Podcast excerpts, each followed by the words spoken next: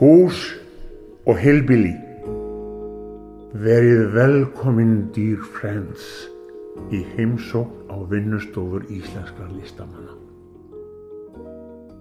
Kæra aðdándur, nú er komið að öðrum þættinum af heilbili laðvarpinu. Hallgrímur Helgason, myndlistamæður og rítöfundur er viðmelandi þáttarins. Það var indislegt að komin á vinnustofuna hans fulla af bókum og listaverkum út um allt og hann bauði okkur upp á kaffi úr gulri mokkakönnu og serveraði í gulum bollum. Mjög fallegt. En nú skulum við bara kynnast Hallgrím aðeins betur og byrja viðtalið. Gerðu þið svo vel. Hvar ólstu upp? Ég ólst upp í háaleitinu, það er sérst fyrst á njálskutur, 87 byggum við, hodninu á njálskutur og snarabrytt. Svo þegar ég var uh, sjóra þá fluttu við í, í hérna, háaleitið og þar var ég svona, þannig til ég var húnlíkur. Það er svona mitt hverfi. Uh, var mikið list í kringu þig þegar þú varst alast upp? Ekkert svo mikið en, en svona, ömmusýsti mín var, var eina af fyrstu svona fyrsta konan til að læra myndlist á Íslandi, Kristín Jónsdóttir fór til uh, á Akademíni í Kaupmannaröfn svona já, upp úr 1910 og, og hérna var mikil vinkun á Muggs og frábæð málari sko.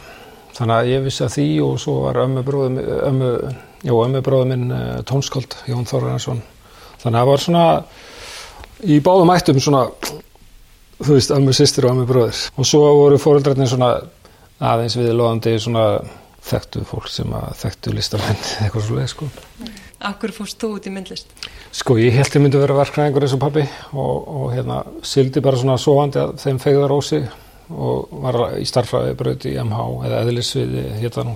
En svo bara var ég veikinaði þetta var ekki alveg fyrir mig sko. Ef þú hættir að skilja starfræði þá bara, þá bara getur ekki haldið áfram sko. Þetta er eins og þá kennst ekki búið næsta level.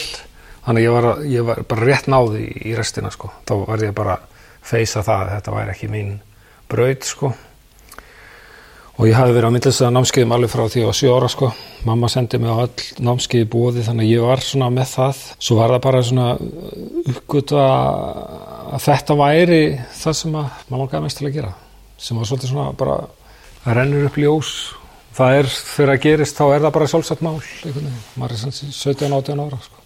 og svo var ég líka með sko, hugsunni að skrifa En það er náttúrulega erfið að segja við fólkdra sína að maður ætla að vera rítuhundur þegar maður er svona 18-19 ára. Þannig að það var mjög svona það er betra að segja að ég ætla að fara í myndlistaskólan sko, það er einhvern veginn þá, þá, er, þá er einhvern veginn meiri, meiri ramm utan um það og einhvern veginn svona betri leið.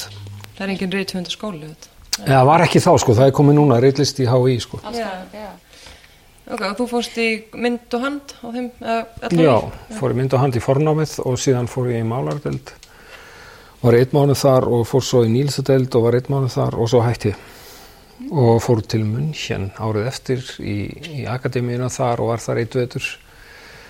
En ég var eitthvað voða óþólumóður og pyrraður á allir þessu námi og þetta var líka svona tímabili í, í svona listarsögunni þar sem að, þar sem að fólk á svolítið búið að henda hefðbundum miðlum. Þannig að maður gæti ekki lært að mála beint af því að enginn kunni lengur að mála. Mm. það voru bara allir að mála eitthvað svona Kristján Davíðsson eitthvað svona sulla einhvern litum saman og, og svona frjálst flæði og þegar ég var í Þýskalandi þá var hérna, í nægin vilden einn rungu vildu eða nýju vildu þeir voru svona aðal tísku þá og þetta var svona bara punkað málverk sko. þetta átti ekki alveg við mig það, það var of gróft fyrir minnsmekk þannig að ég fjall ekki inn í krami þar kom svo bara heim eftir viturinn í munn hérna og byrjaði bara að mála og halda síningar og það var svona 83 fjögur og þá til dæmis þessi mynd sem hann gerði hún er, var á fyrstu síningunni þannig að ég byrjaði að mála svona landslag og alls svona, svona anti gera eitthvað sem var alls ekki í tísku eða eitthvað sem var í rauninni bannað. Það var síðasta sort til dæmis að mála landslag þegar ég byrjaði því sko. En uh, svo, svo fór maður út í aðra sálma. En svona hefur verið svona bara sástast starfandi síðan 83-4 Var samt mikilvægt fyrir það að fara í skóla fannst þér Já, ég, mér fannst ég læra mikið í þessu fornámi og, og gaf manni svona sjálfströst og svo var aðalega bara eitthvað óþóli með því í mér sko, þú veist um málardeldinni var, var hérna ég var ekki alveg ánæður sáttur við, við, við, við námið þar og síðan reyndi ég nýlistadeldinni að fá það var eitthvað svona, þú veist, ég, ég mætti alltaf nýju en fyrsti nefnandi mætti 11 og kennarinn mætti kl. 1 og ég hafði ekki alveg þólimaði í þetta sko. það var svona meira hangs og ég svona alltaf meira fyrir aksjón og vinnu og eitthvað og svona. þetta var meira svona bara spekulasjónir út í loftið sko.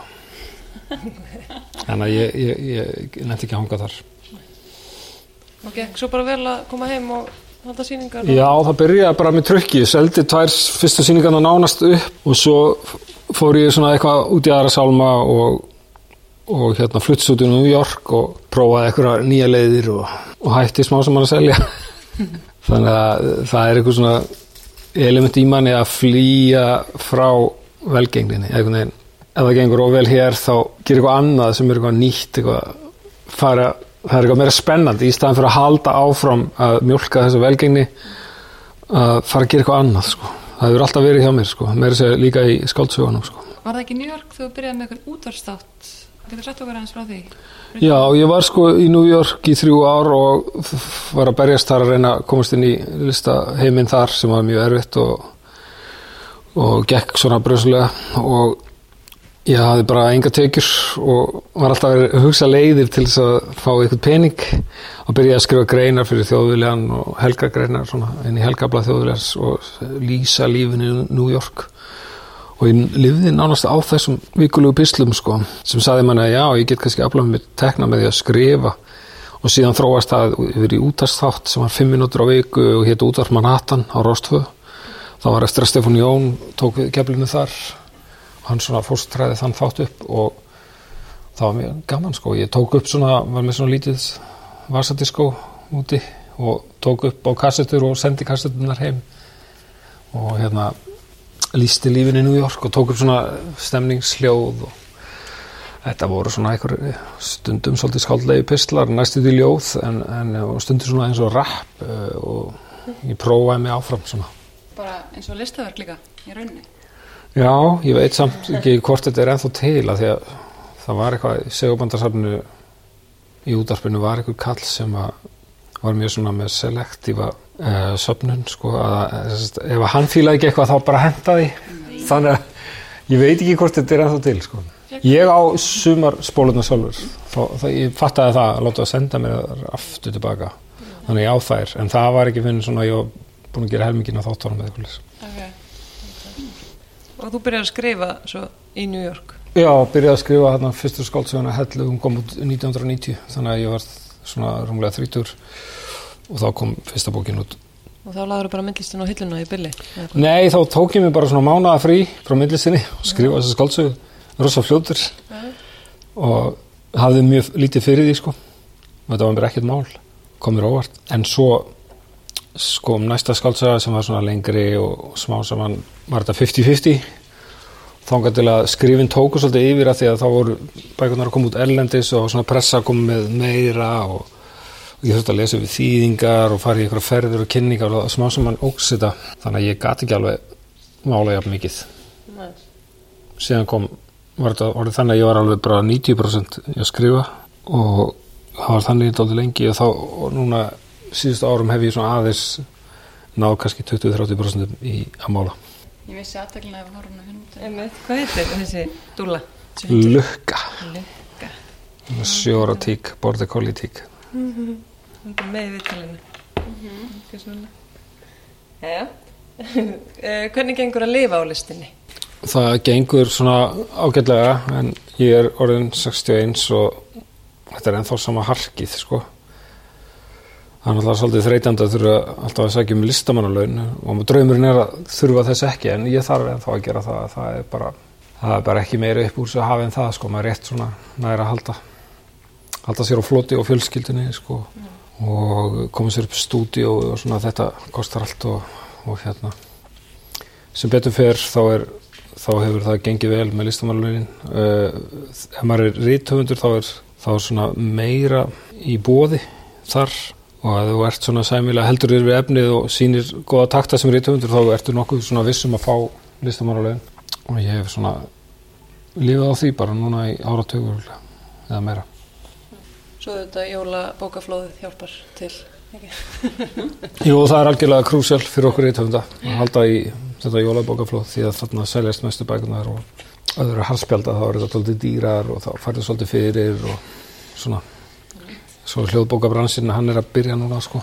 Hann er að verða stærri og stærri en það er eiginlega engin peningur það er ennþá sko. Það er vantar skýrir reglur. Við erum bara, við erum með Storytel sem er svona eins konar Spotify í bókabransunum og það er ekki orðið nógu stórt til þess að gefa eitthvað af sér sko En fyrir myndlist, þá er eiginlega komið líka svona jólaflóð og það sem jólamörkuðum út um allt. já, Ég held að það sé rosa mikið myndlistamennum sem verður bara þar að selja, sko. gera svona lítil nettverk Já, prent og, og líka bara selja eitthvað dýrt, sko. já, mér var búið að vera með í ásmundarsalu Já. svo var ég í Kanada og leiti ekki að tölvupóstum minn í eitthvað viku þannig að ég misti af þeirri sýningu, ég misti deadlineinu en ég vona að ég verði með næst Já, það er mjög snögt, sko. Mm. Uh, hvernig er sköpunarferðlið hjá þér? Já, þetta er bara svona alltaf eitthvað spenna sko maður, maður kaupir sér stregan stillir honum upp og er allt, með allt tilbúið og maður er kannski með eitthvað svona óljósa mynd í hausnum og í setjum tíð þá hef ég verið svona óragari eða sagt að, að mála bara án þess að vita nákvæmlega hvað ég ætla að gera. Vera meiri óvissa og meiri spenna og finnst það meira skemmtilega en núna. Í gamla dag var þetta allt svona þá hafði ég meiri svona skýrari markmið. Ég ætla að mála þetta og þetta á að vera svona og svo mála ég það bara og var nákvæmlega útgaman nákvæmlega eins og ég ætlaði. En núna er meira svona óvissa og ég leifi svona meira uppfinningar sem og gleði og svona já, skemmtilega heitum að koma inn í myndirnar og ég bara ánægð með það og skemmtilegt og ég vinn nú frekar hratt svona þegar ég byrja. Þannig að málverk getur alveg bara klárast á tveimur tímum eða tveimur dögum stundum viku. Þetta er alveg rosa gaman að mála. Þegar maður er að mála svona sko. Það er oft svona líka smá saga kannski í málverkunum. Já, það er alltaf saga, það er alltaf verið svona frásögn í mínum verkum, eitthvað svona karakterar og oft svona fyndið, þegar fólk sér verkin þá er ég litt fyrstu viðbröð byrja að hlæja. Og þetta var alltaf fyllt mér, þetta var alveg frá byrjun sko. Já, þegar ég var að mála landslagsmyndir þá fór fólk að hlæja og ég skildi ekki hvað er svona fyndið, þetta er bara eitthvað örlög, ég veit ekki. Kannski að því maður er bara fyndið að mála landslag og var þá eða eitthvað, ég veit ekki. Og svo núna er það bara þannig, já, ég er fíguratífur hefur alltaf, alltaf verið sko. abstraktið hefur aldrei heitla mig og kann ekki alveg á þá á þá tegund á list sko. Það var skemmtilega næturmyndir. Málaða myrkur. Já, já, það var svona serið sem var með þegar ég var mitt eignaðist hundin þá þurfti ég alltaf að fara að lappa út á kvöldin og, og sá maður einhvern veginn svona hverfin í öðru ljósi og allt í uppgötaði maður að þetta væri rosa flott svona nætur senur í Reykjavík svona í einhverjum útkverfum þannig að ég fór að mála það. Það er náttúrulega meir hlutin af árinu á Íslandi er myrkur og mér fannst einhvern veginn, já það er ekki svo margir sem að reynda að mála myrkrið sko eða landslag í myrkri, algjöru myrkri. já, já, já en ég hafði tilfinningun að þetta væri bara ég byrja, byrjaði að mála styrjan alltaf svartan svo bara málaði svona smá svona Klampa. klampa hér og þar þangað til að það kom eitthvað svona fram sem maður gæti uh, sett sér við að væri mynd Já, eins og þú segir að það sé alltaf svona frásögn í verkunniðinum, þannig að það er kannski svona rithöfundurinn að koma í gegn í myndlistinni. Finnst þetta svona hjálpast að? já, mér hefur reynda fundist þetta að það ælast alltaf fyrir ykkur öðru sko og bara bölvað vissan og ég er alltaf, hef alltaf bölvað uh, þú veist, ég- þegar ég kannski að mála fullum mála svo þarf ég að fara að skrifa og, og þá er svo erfitt að fara út úr málarafassanum og inn í skrifin og öfugt sko. Þegar maður er að skrifa svona allt inni, já ég er að fara að halda sýningu eftir þessi sex mánuði, ég verð að fara að mála eitthvað þá er erfitt að fara út úr skrifunum. Þetta er alltaf svona eilíf tókstreita og... en svo svo hefur, hefur þetta eitthvað samílegt, ég segi það ekki. Það er alltaf eitthvað sögur í mínum bókun alltaf og það er alltaf eitthvað sögur í myndlistinni. Og ég hef verið nálægt svona poplist og myndasögum svolítið. Og, og svona karikatúrmyndum stundum líka. Þannig að þetta hefur allt, alltaf verið svona, já svolítið saga í öllu sem ég geri. Ég er líka bara bein tenging þegar hann að grimm gaurinn. Jú, það má segja Grimm hana, sem er svona hlýðasjálf mitt sem er svona teiknumyndafígura Hann er reythundur.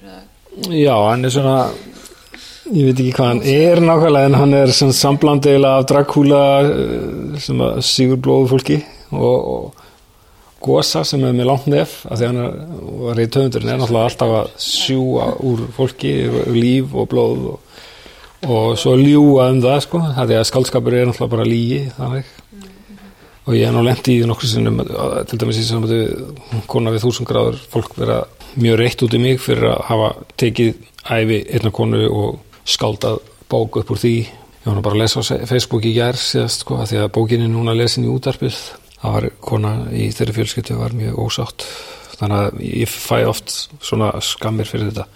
Og þá finnst líður mann eins og maður sé svona einhver dragúla sem sé svona nærast að blóði annara Hefur ekki getað bara gert söguna en búið alveg til karakterin, nafnið og ekki haft Sko ég hefði ekki, mér hefði ekki dottið þetta, þessi sagði í hug þannig en þegar maður, maður fær svona hráefni sem er svona rosalega djúsi, sko, þetta er alveg bara fáránlegt stöf sem að þarna um sem són fórsetans sem var berjast með nasistum og dóttir hans var viðskilaði fóreldrana og í stríðinu og, átti síðan ótrúlega skröðlegt líf og endaði bílskur í Reykjavík og þetta er, þetta er, þetta er bara þetta er alveg rakið efni í skáldsögu.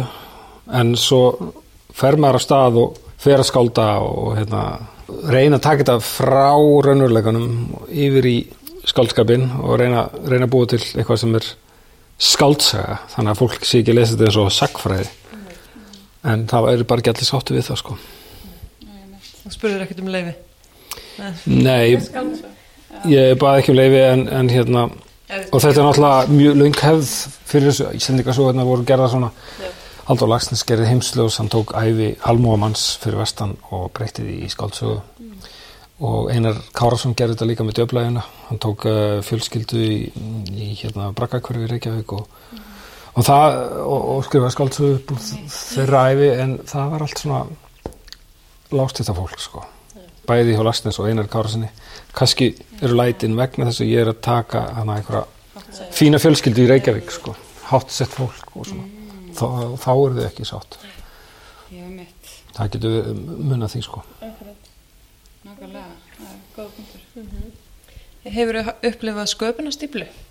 ekki en þá 7.9.13 nei, þetta verður gengið bara vel það kemur fyrir sko að maður st- stopp í skáldsögu og maður finnur ekki alveg lausnin á okkur setningu þess vegna er ég með hann að betta þarna og legg ég mig bara í tímitur og vakna með svarið sko það er- virkar yfir vel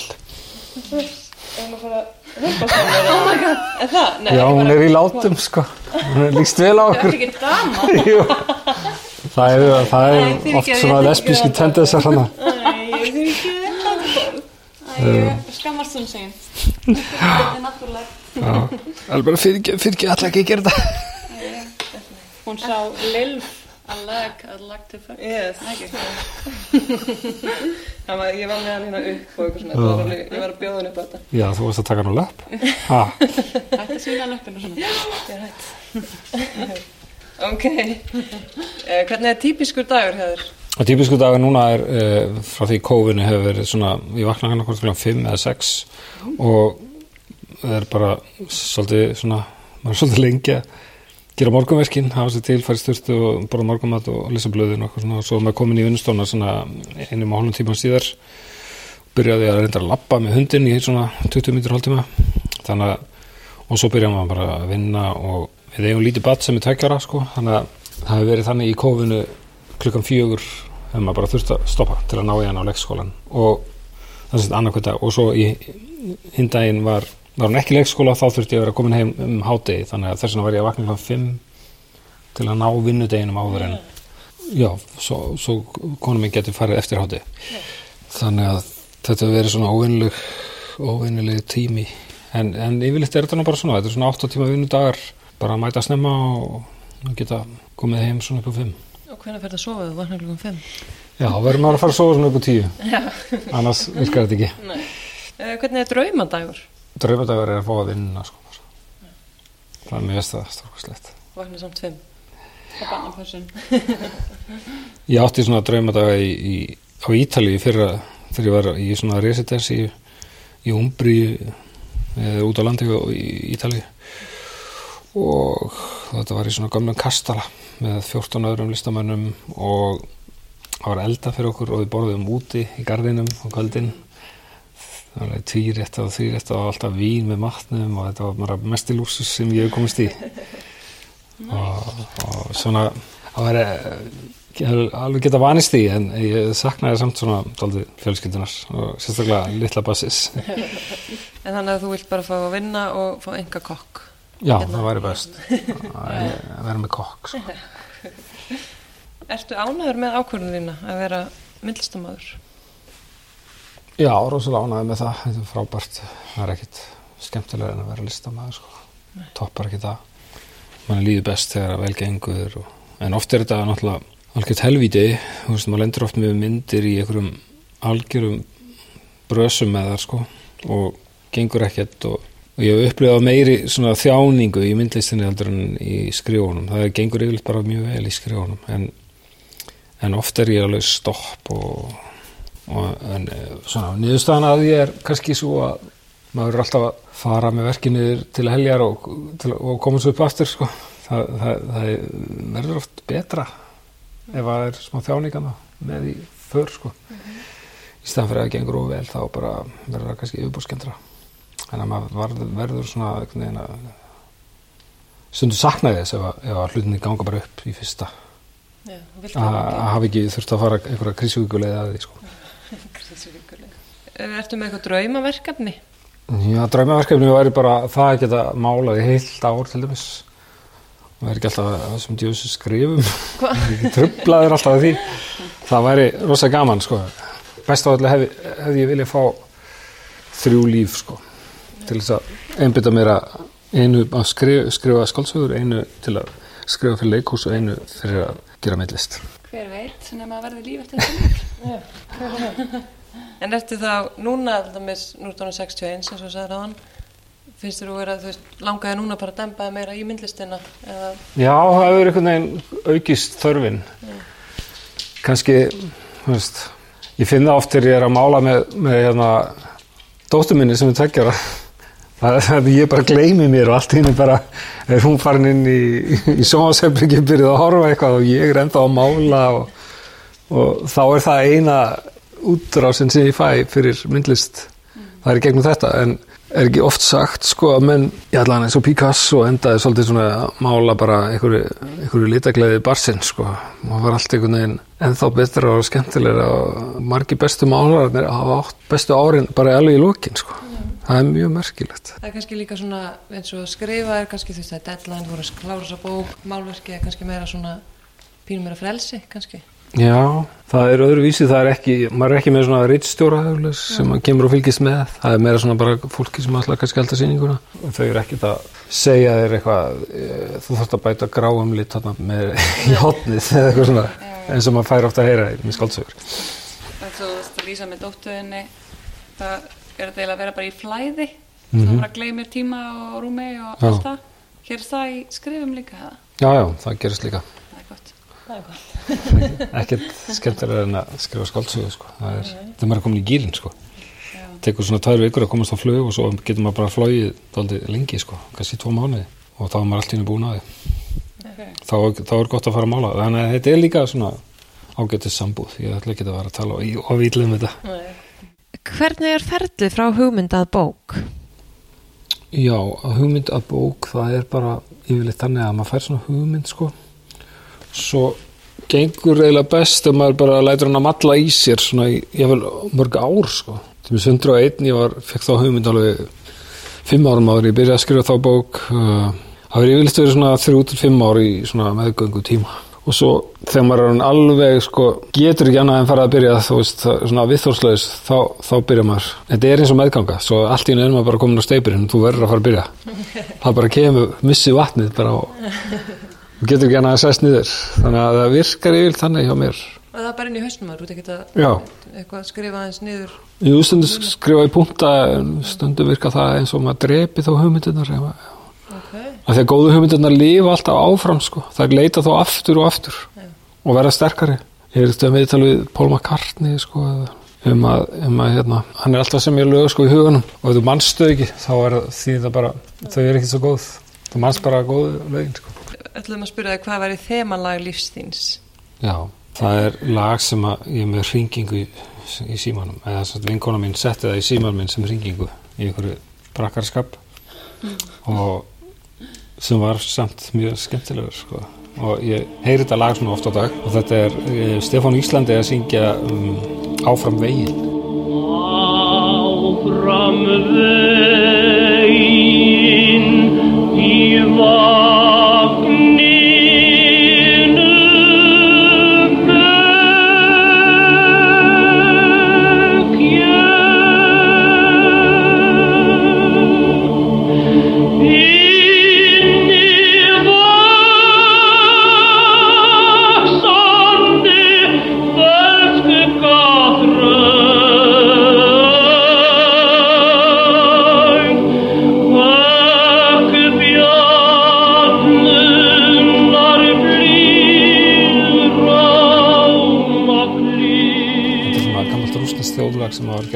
texti við upptakana frá 39 held ég eða eitthvað svona sko. þetta, þetta er alltaf ja, gott sko.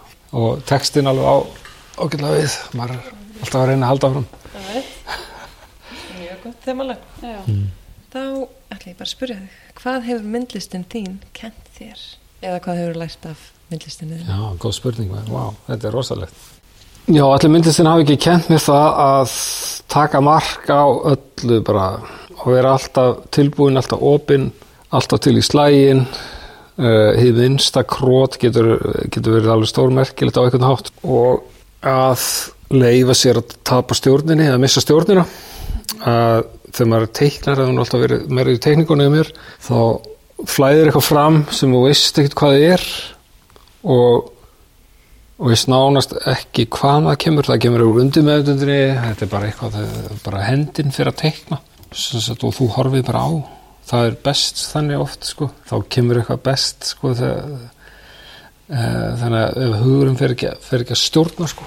þannig að missa stjórnin og leifa leifa hlutunum að flæða fram það er, það er svona ákveð kunst sem að þú þarft að komast í ákveð hugar ástand og það er svona stundur svolítið erfitt að komast í það því að raukhugsunin er alltaf svolítið frek en ef þið tekst það þá er, þá er það frábært. Og þá ertu algjörlega að lifa í núinu eitthvað líka. Og þetta er alltaf verið drauminn hjá mér að geta málað í þessum fasa sko, alveg eins og í teikna. Ég held að í gamla dag var það þannig að maður átti svo lítinn pening að maður kefti eitt striga þá var það bara þá var svo mikið stress hvernig, hvernig, hvernig mér gengi að mála það eitthvað, ég var ekki afslapar. Í staðan fyrir að teikningarna var ég alltaf bara með eitthvað ljósundur á pappir sem ég átti fullt af og þá var ég alveg afslapar. Þannig að ég smá sem að lært eða reynda að kenna sjálfum mér að vera líka afslapaður þegar maður er að mála og, og svo er, svo er þetta samt svolítið slungið sko því að, því að þú, þú er, hugsaður eitthvað fyrirfram ég ætla að hafa sýninguna um þetta kannski um, taka þetta fyrir þá ertu búin að búið til svona ramma og svo kemur flæðið innan rammans og, og eitthvað en, en samt þú mátt ekki trubla það sko með þessari hugmynd, fyrirfram hugmyndir sko. þannig að þetta er mjög svona mikil, mikil jafnvægis kunst sko. leifa hérna flæðinu að koma óhindrað alveg en samt vera með eitthvað svona smá farveg. Þannig að það er erfitt að lýsa þessu kannski. En þetta hefur svona verið mesta glíman hjá mér. Af því að e, ég til dæmis já það er mjög góð, góð, góð hérna gott dæmi sko. Að ég var, þegar ég bjóð í New York þá var ég alltaf að reyna að finna einhverja leiði til að afla mig tekna. Og ég var með svona ákveðin teknistíl í gangi og ég hugsaði, ég var alltaf að sjá hana New York Times og þessi blöð þau voru alltaf með svona illustrations og ég hugsaði, já ég örgulega væri fítn í þetta að gera svona illustrations, þá get ég fengið smá pening þar. Og svo fer ég hérna upp á New York Times með möppuna mína og þau skoða hana og líst rosalega vel á og gefa mér strax hérna verkefni. Þú átt að teikna hérna Guggenheim safnið overflowing with people. Sem það er rosa mikil aðsóknar að safnið er að springa.